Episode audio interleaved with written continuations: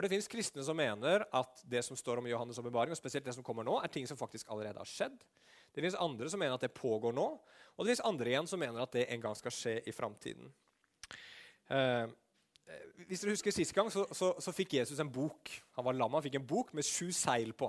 Og De driver han og åpner her. ikke sant? Disse sju seilene som var på denne bokrullen. Og så er det ting som begynner å skje. Vi ser at Det handler om dom, det handler om frelse. Handler om at Gud dømmer ondskapen, og Gud frelser de som, som stoler på ham. Og spørsmålet når er det det skjer? Spørsmålet er, Handler dette her bare om noe som kommer til å skje veldig langt framme i framtiden?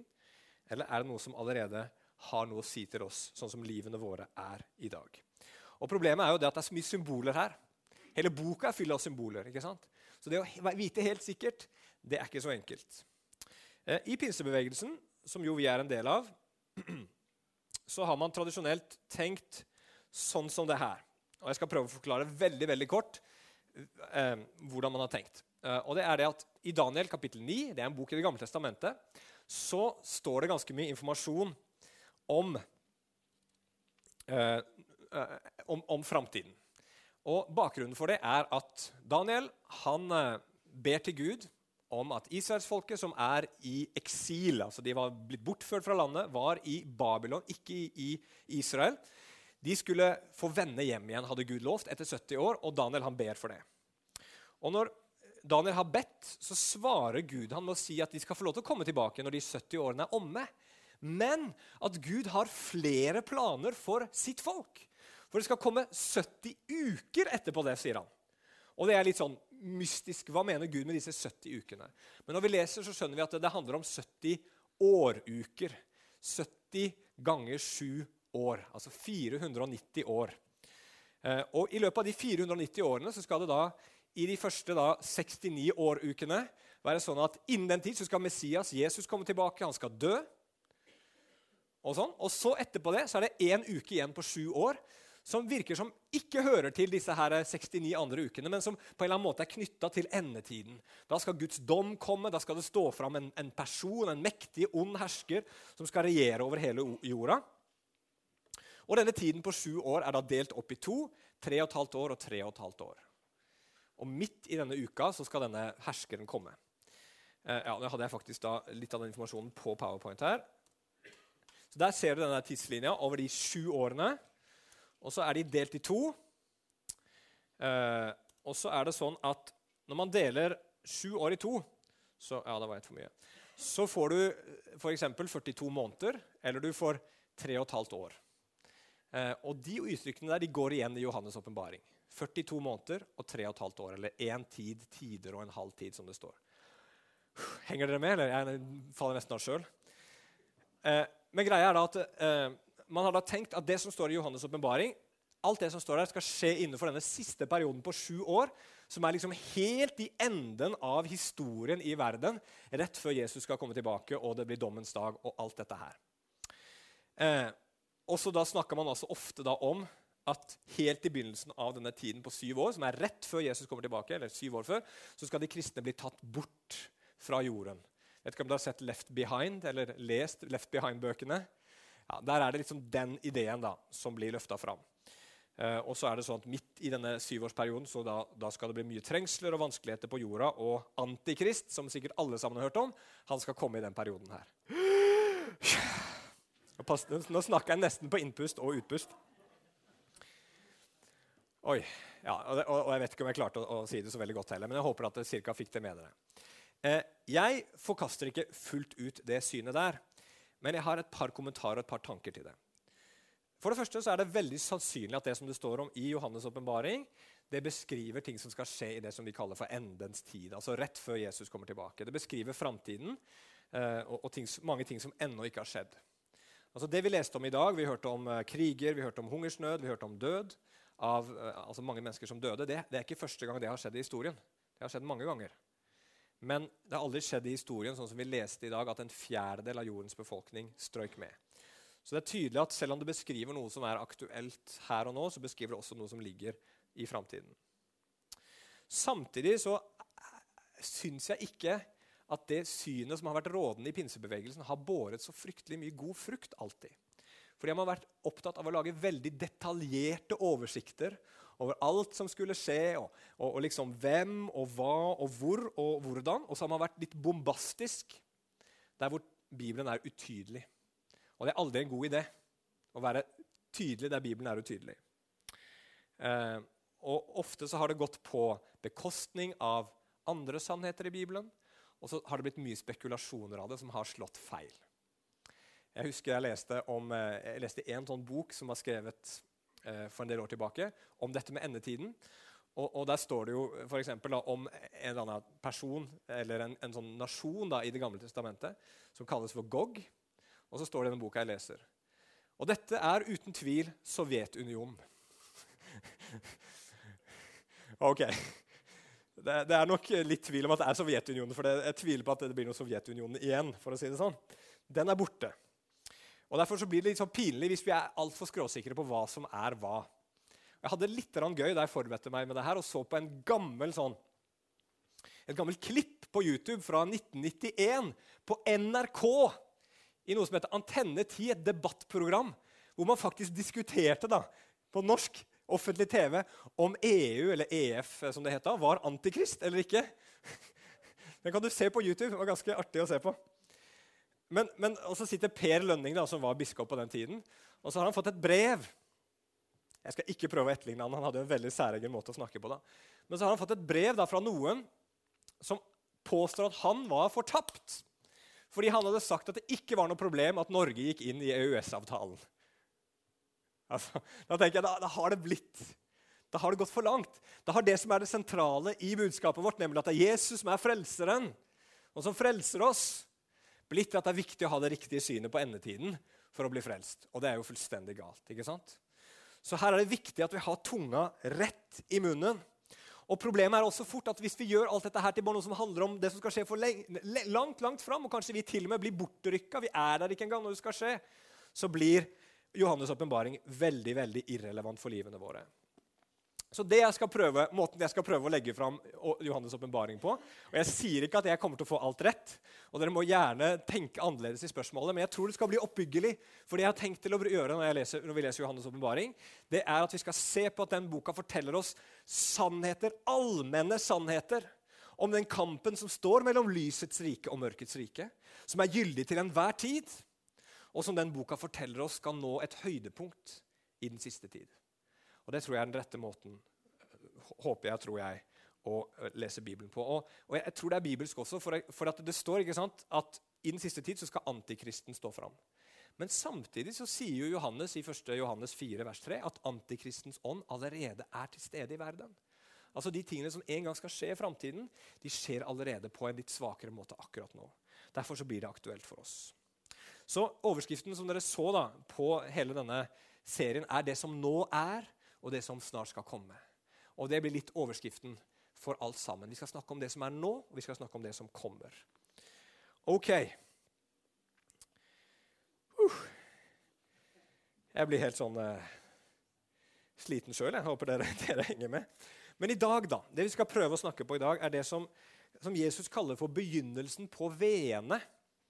Og så skal vi si, eh, og så har jeg i, liksom, i parentes en underoverskrift Min vilje eller Guds vilje. Vi skal snakke om den hvite rytteren, som er dommens begynnelse. Vi skal snakke om rytterne og martyrene, som er dommens progresjon eller utvikling. Og til slutt, slutt ropet om et, om et, skjulested, altså dommens dag. Ok, Får nesten lyst til å be en gang til. jeg nå. Vi tar, vi tar punkt nummer én, den hvite rytteren og dommens begynnelse. Så Nå går vi til dagens tekst. Har dere Bibelen foran dere, så kikk gjerne der. Det ligger Bibelen på miksepulten hvis noen vil ha det foran seg for å se. Og så skal vi prøve å forstå dette her. Dagens tekst begynner med at lammet, Jesus, bryter det første seilet på denne bokrullen som inneholder Guds plan om dom og frelse over menneskeheten.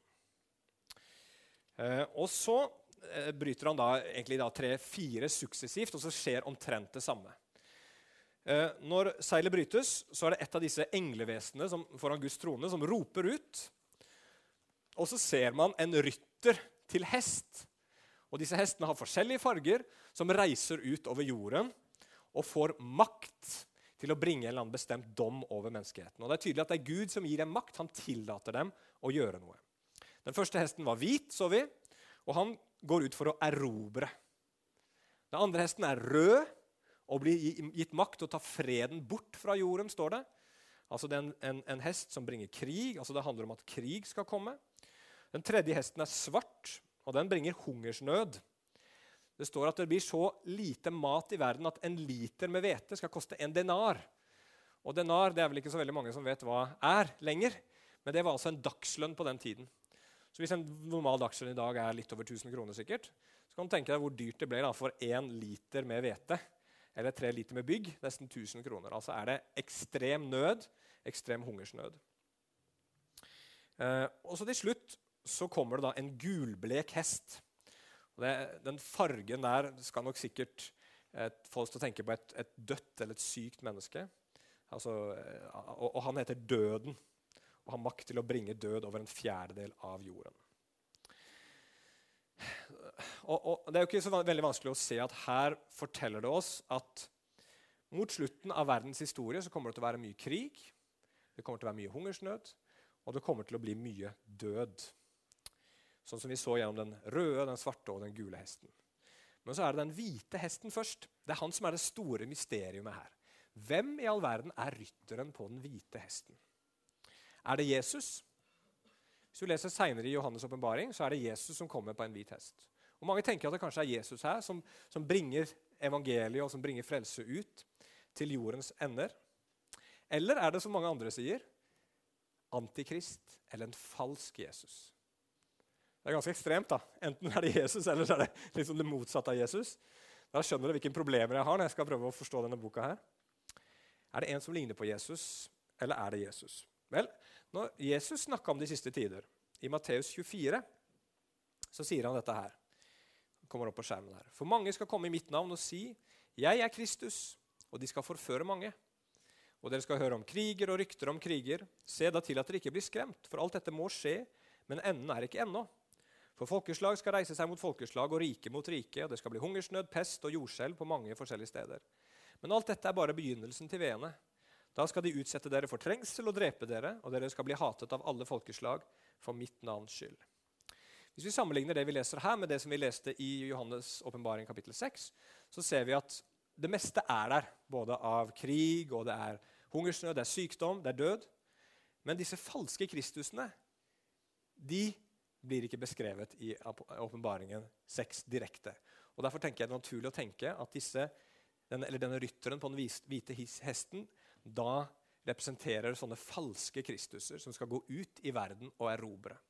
Og Da tror jeg ikke vi med det skal tenke sektledere, sånn som eh, hva heter det, ja, Jim Jones og, eh, og han der David Koresh, eller hva det heter for noe. Det er ikke sånne typer. Jeg tror heller det er sånne typer som er verdensledere, og som framstår som eh, hva skal man si, guder nærmest, og frelsere for verden. Sånne typer som Alexander den store eller Napoleon eller Hitler, som ville erobre verden, bringe sitt rike ut. Sånne typer mennesker. Og Hva er det som har fulgt i kjølvannet av sånne? Når vi opp gjennom historien ser på sånne typer erobrere som kommer fram, hva er konsekvensen av det? Jo, krig. Og med krig følger hungersnød, og med hungersnød og krig så følger ofte sykdom, død og all slags mulig elendighet. Og Derfor blir det en veldig naturlig progresjon her. Så skjønner vi at dette her er jo ikke noe nytt, men vi kan tenke oss at dette her blir mer intenst ettersom som enden nærmer seg. Jesus kaller jo dette for begynnelsen på veene. Han sier enden er ikke nå, men det betyr at enden nærmer seg. Og Hva forteller det her oss om Guds dom? da? Jo, Guds dom begynner med menneskets vilje til å tvinge, eller menneskets trang til å tvinge sin vilje på andre. Hva er en erobrer for noe? En erobrer det er en person som sier 'Jeg vil at jeg skal være sjef her. Jeg vil bestemme. Jeg vil tvinge min makt og min vilje på deg, på dere, på dette folket, på denne gruppen mennesker.' Det er det erobrere gjør hele veien. Og Sånn har mennesker gjort opp gjennom historien. Og Vi skylder veldig ofte på lederne våre for at verden er sånn som den er. For All den elendigheten kommer jo fra disse lederne som vil tvinge sin makt på andre. ikke sant? Men er vi så mye bedre sjøl? Er det ikke sånn i ditt daglige, private liv at det handler litt om at du hele veien vil tvinge din vilje på andre mennesker? Altså Bare tenk på barn. Hvorfor er det konflikter? Hvorfor krangler barn? Nå er det min tur til å bestemme hva vi skal leke. Du bestemmer alltid! Ikke sant? Jeg vil få min vilje. Eller i familiene våre. Når det er konflikter i familiene, hva er det det handler om? Jo, det er min vilje, mannens vilje, konas vilje. Hvem skal få det siste ordet? Hvem skal bestemme i denne saken? Hvem skal ta denne byrden? Hvem skal bestemme hva vi skal prioritere? Eller foreldre og barn. Så hvem skal bestemme? Er det barna som skal bestemme, er det foreldrene som skal bestemme? Og det vet vi jo svaret på, ikke sant? Nei da. Men altså, dere skjønner. Hele veien så er vi mennesker sånn. Du, du, finner det på arbeidsplasser, du finner det i styrerom, du finner det i politikken. Det handler om at jeg vil at min vilje skal få framgang, og at du skal bøye din vilje under min. Og Sånn gjør vi hele veien, og det blir massevis av konflikter.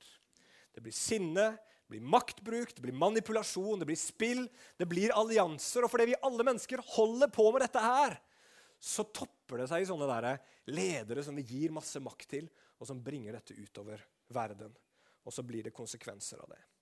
Så Poenget mitt er det her, at når Gud dømmer verden, så begynner han egentlig med vårt hjerte.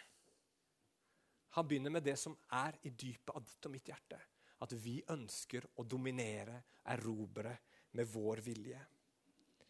Vi ønsker å være konge, og der begynner Guds dom. At med vår det er ikke Gud som sier at nå skal jeg skape masse problemer her, men det er Gud som lar oss skape masse problemer. Er dere med på tanken? Og det fører oss videre. Det var to som sa mm, det var jo veldig oppmuntrende. Eh, rytterne og martyrene er liksom neste punkt. Dommens progresjon. altså Hvordan utvikler det seg her videre? Ok, Vi sa at dette her handler om mitt hjerte, som ønsker å erobre og som ønsker å dominere andre mennesker. Og jeg tror hva det aller farligste Gud kan si til deg eller si til et menneske? aller skumleste han kan si til oss, det er 'din vilje skje'. Fordi Gud han er en veldig god Gud. han. Når Gud gir sine bud i Bibelen, når Gud sier det der er ikke bra for deg, når Gud prøver på forskjellige måter å hindre oss i å gjøre det som ikke er godt, så gjør han det fordi han er god. Han ser at de begjærene og lengslene vi har, er destruktive, både for oss selv og for andre. Så sier Gud nei. Men så sier vi jo. Så sier Gud nei. Så sier vi jo. Så sier Gud OK, da. Det er greit. Din vilje skjer. Og så går vi og så gjør vi det vi vil gjøre. Bibelen kaller det at Gud overgir oss til vårt udugelige sinn. Og så blir konsekvensene sånn som vi ser i det vi leste om i dag. Så Det er så viktig at vi har et mykt hjerte framfor Gud. De budene Gud gir oss i sitt ord, de, de tidene Gud sier til oss, ikke gjør det. Det gjør han bare fordi han er god. Og når jeg står imot det, så tror vi at det skal bli bra for oss, men Jesus sier nei, det er ikke bra for deg. Og Da er det viktig å ikke pushe for lenge på Gud og si jo, men jeg vil ha det, Gud, jeg vil ha det. For da sier Gud kanskje noen ganger ja, ok. Og så høster vi konsekvensene av det, og det er ikke så godt. Det bringer ødeleggelse. Hvorfor er det krig i verden? Hvorfor er det hungersnød når det er nok mat til alle sammen på den planeten her? Hvorfor? Vi liker å skylde på alle andre, men det begynner med meg, og det begynner med deg. Og så dømmer Gud oss ved å si nå får dere ha deres egen vilje, nå får dere styre dette showet sjøl. Og så får vi se hvor bra det går. Og det går ikke så veldig bra. Og så ender vi opp med det som her er det femte seilet. Og Da skifter scenen i historien. Vi plutselig så blir vi kommet til himmelen igjen. Og så er det en gruppe mennesker som det står har blitt drept for, for Jesu navns skyld, for vitnesbyrdet, Guds ord og vitnesbyrdet om Jesus, som de ikke ville fornekte. Og Det høres litt spesielt ut, men vi vet at i dag så er det 245 millioner mennesker som blir forfulgt fordi de tror på Jesus. Og noen av dem mister livet. Mange av de opplever å bli fengsla, mange av de opplever urettferdighet på, på, mange forskjellige måter. Men det er veldig mange mennesker som, som lider i dag pga. sitt vitnesbyrd om Jesus.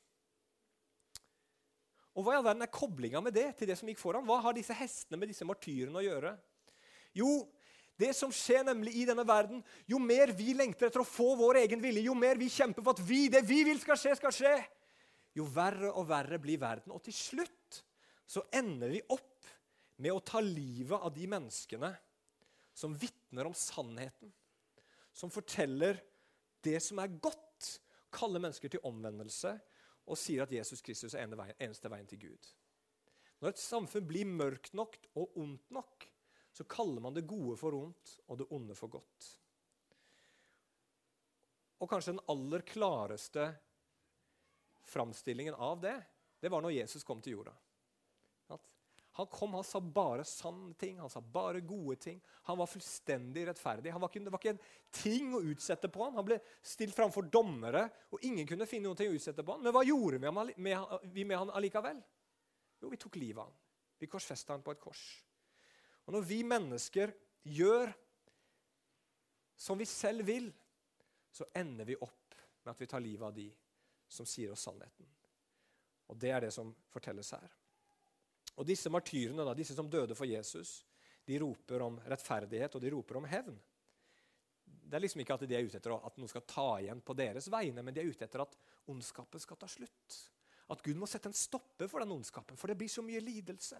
Det blir så mye nød, det blir så mye vondt. Gud, stopp! Stopp det nå, Gud! roper de der hvor de er, som det står under alteret. Ganske merkelig uttrykk som vi skal komme tilbake til. Men så gjør Jesus to ting. Han gir dem en hvit kappe.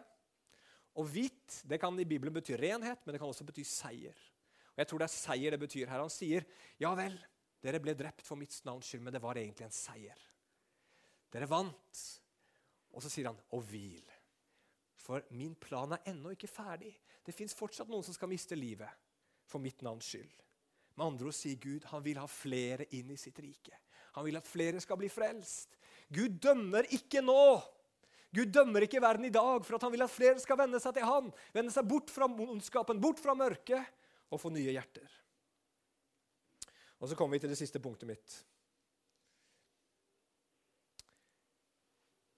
Ropet om et skjulested, dommens dag. Så selv om Gud venter nå, så sier Bibelen at det betyr ikke at den dagen ikke skal komme. Og Derfor så gjør den historien her ved det sjette seilet nå plutselig et hopp inn i framtiden. Og Der hentes det masse bilder fra Det gamle testamentet som forteller oss at nå har det som Bibelen kaller for Herrens dag kommet. Og Det er den dagen da Gud skal komme igjen og dømme verden. Og Da er liksom resultatet som vi leser om her, store naturkatastrofer, type jordskjelv. Solen blir formørka. Eh, det står at eh, månen blir som blod, stjerner faller fra himmelen, himmelen rulles sammen som en bokrull. Hvert fjell og øy blir flyttet bort fra sitt sted. Alt dette her høres jo nokså spesielt ut, og vi kan prøve å tenke hvordan all verden skal det fungere? Hvordan ser det ut hvis liksom, himmelen blir rulla sammen som en bokrull? Og Jeg tror ikke vi nødvendigvis trenger å ta alt dette her helt 100 bokstavelig, men heller tenke at dette her er det som Jesus kaller i Matteus 24, 29, at himmelens krefter rokkes. Et eller annet som skjer som gjør at hele liksom det som nå fungerer så bra, plutselig kommer i ubalanse. Det blir jordskjelv, kanskje meteorregn, kanskje at, liksom, eh, at atmosfæren blir, blir skya til, at det blir problemer. Et eller annet som skjer, som, som gir oss en følelse at nå er, det, nå er det endens tid. Nå er det et eller annet som skjer her. Dette minner veldig om det som står i Bibelen. Og da begynner folk å forstå, står det her, at oi kanskje ikke har levd livet mitt sånn som jeg burde. Kanskje jeg ikke har gjort alt sånn som jeg burde ha, ha gjort det. Og så blir alle disse unnskyldningene unnskyld, som mennesker ofte går, på, går og bærer på. Vi går med disse unnskyldningene. 'Jeg er jo ikke så ille. Jeg er jo like grei som han.' Og han er iallfall mye verre enn meg. Og 'Det var jo pga. det og det.' Og 'Det gjorde jeg for, fordi sånn og sånn og sånn.' Og, og alle gjør jo det. Så har vi alle disse unnskyldningene hvor vi sier at det er ikke min feil, det er ikke vår feil. Denne verden er ikke, er ikke sånn pga. meg. Ødelagte relasjoner bak meg. Det er ikke pga. meg. Og så har vi bygd oss opp et hav med unnskyldninger. Men den dagen der, når plutselig alt det som virker trygt og sikkert rundt oss, plutselig begynner å rystes, da ser vi oss selv som den vi er. Og da skjønner vi at nå kommer Gud snart. Nå kommer Gud snart for å dømme oss. Og det gjelder absolutt alle mennesker. I, I, den lista som står her, så står det både rike og fattige, frie og slaver. altså Alle slags typer mennesker står plutselig nå fullstendig avkledd framfor Gud. Og hva gjør de? Jo, de gjør akkurat det samme som Adam og Eva gjør helt i begynnelsen av Bibelen. Når de har gjort noe som er galt, og Gud kommer i hagen, hva gjør de? Husker dere det fra historien? De gjemmer seg. Og Her står det at menneskene også begynner å finne en plass for å gjemme seg. De gjemmer seg i huler, men de finner ikke noe sikkert skjulested. De roper til fjellene og til klippene, 'Fall over oss og skjul oss!' For lammets vrede, står det. Det er jo et ganske spesielt uttrykk. Altså et lam. Har du sett et sint lam noen gang?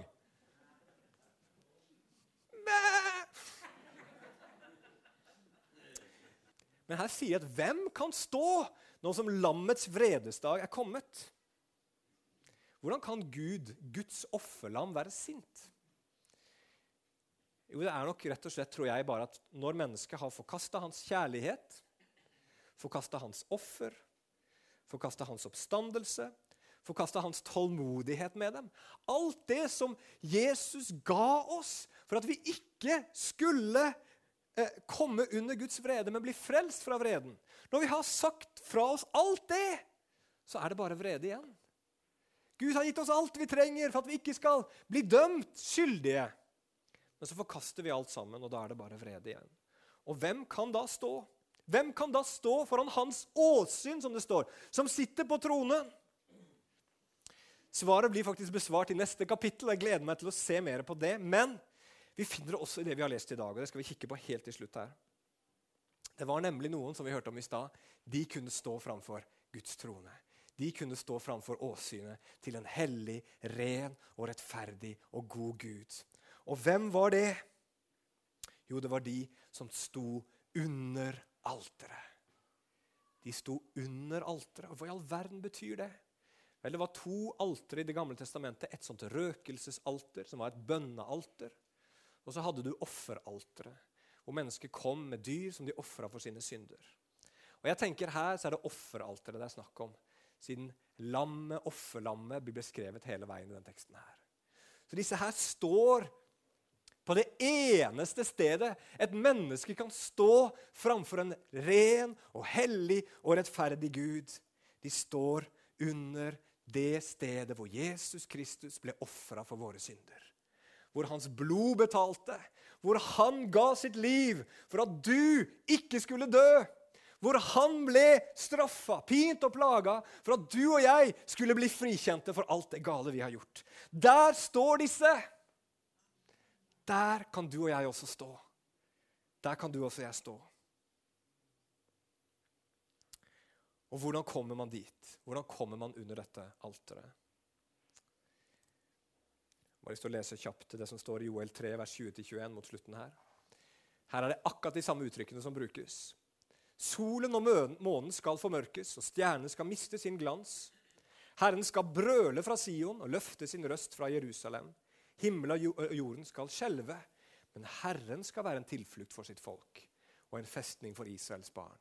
Den dagen rettferdighet skal bringes inn i den jorden, så fins det bare ett skjulested. Og det skjulestedet er Jesus Kristus. Det er i hans fullbrakte, fullkomne verk. Og hvordan kommer man under alteret? Hvordan kom disse menneskene under alteret?